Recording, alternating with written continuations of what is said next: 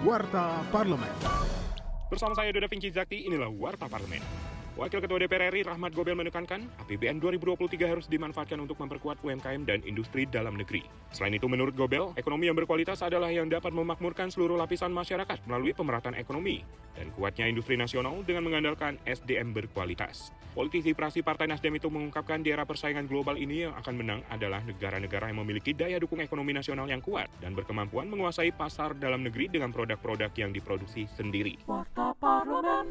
Dalam rapat kerja dan Mendikbud Ristek membahas rencana Pagu APBN 2023 dan penyerahan laporan panja GTKP 3K, anggota Komisi 10 DPR RI Zainuddin Maliki menyoroti pengangkatan tenaga guru honorer menjadi P3K yang harus menjadi prioritas. Jangan hanya infrastruktur saja. Kita bisa membangun infrastruktur, kita bisa menyediakan berbagai kebutuhan-kebutuhan yang berkaitan dengan infrastruktur, biayanya cukup besar, tapi beberapa di antaranya belum prioritas untuk memperhatikan guru honorer. Kalau bisa penambahan anggaran ini bisa menyelesaikan rencana Mas Menteri tempo hari yang sudah kelanjur ngomong 2021 akan kita angkat 1 juta guru honorer menjadi ASN.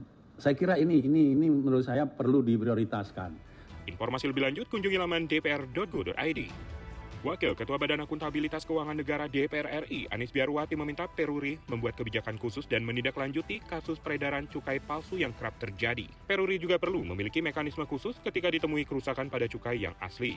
Politisi PKS tersebut juga mendesak Ditjen Bea Cukai Kementerian Keuangan melakukan peningkatan pengawasan dan optimalisasi penerima negara dalam menyelesaikan bea dan cukai tembakau. Karena penerima negara dari cukai tembakau merupakan yang terbesar, untuk itu membutuhkan pengawasan tersendiri. Televisi Radio Parlemen.